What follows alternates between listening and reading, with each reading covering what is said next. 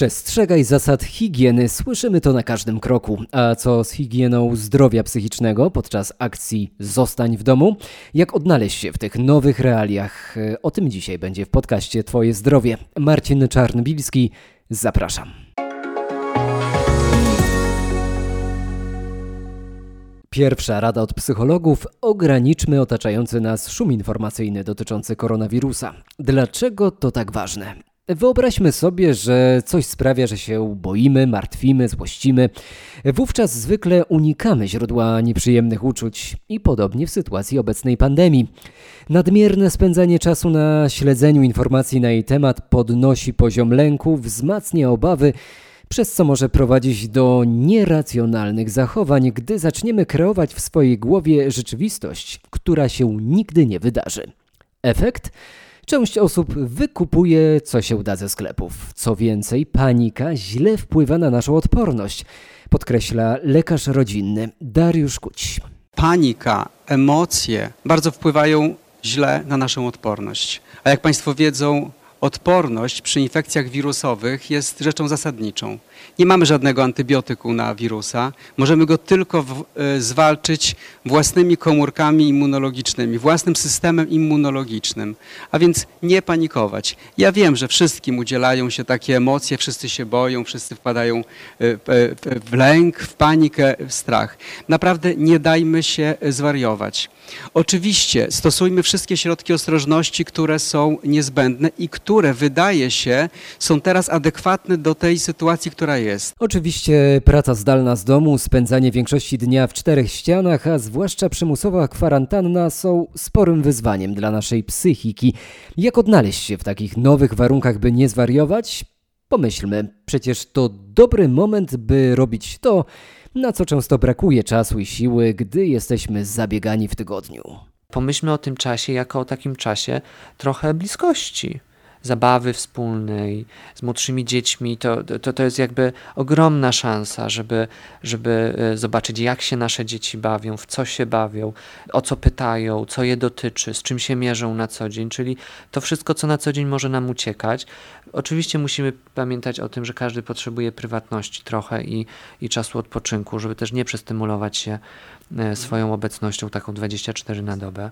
Radził Tomasz Kafel, psycholog dziecięcy. I właśnie o to, jak rozmawiać z dziećmi o koronawirusie, spytałem naszego eksperta.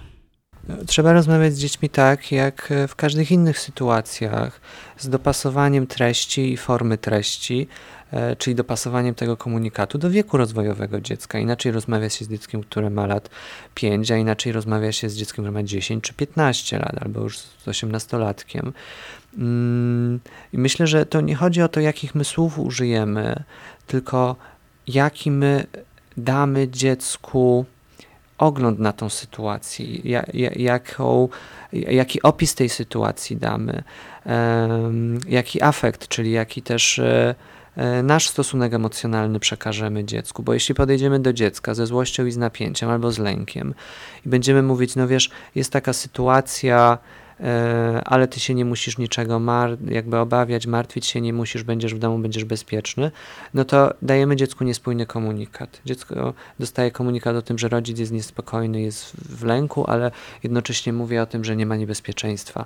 W momencie, kiedy mamy sytuację epidemiologiczną taką, to trzeba dziecku pokazać to w taki sposób, żeby ono to zrozumiało, przyjęło i żeby nie generalizować u niego lęku, żeby nie budzić tego lęku. Powiedzieć dziecku, że jest taka sytuacja, że jest na przykład jakiś wirus, jest taka sytuacja, że osoby chorują przez to, że mają ze sobą bezpośredni kontakt i to jest taki wirus, który powoduje na przykład, nie wiem, temperaturę albo powoduje, że, e, że, że, że, że ktoś ma trudność z oddychaniem, że czasem trzeba skorzystać z pomocy lekarza, tak, że trzeba iść do szpitala, ale że zostawanie w domu chroni przed zarażeniem tym wirusem.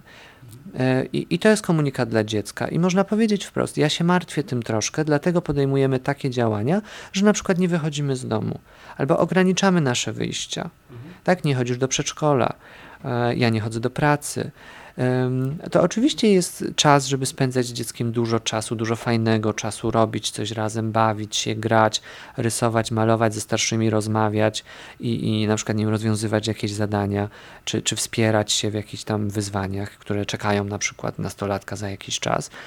Natomiast y, jeśli my mówimy dzieciom o tym, co czujemy, to musimy im to tak powiedzieć, żeby to było dla nich y, czymś, co nie zagraża. No bo dziecko jest trochę w takiej sytuacji, że, że jest tak, jest świat dookoła i jest rodzic, który przekazuje dziecku różne ważne mm, no, postawy, opisuje mu różne sprawy i dziecko najwięcej uczy się od tego rodzica, najwięcej przyjmuje od rodzica. Jeśli przyjdzie rodzic w ogromnym lęku, dziecko natychmiast zareaguje ogromnym lękiem i niepokojem. Mówił Tomasz Kafel, psycholog dziecięcy.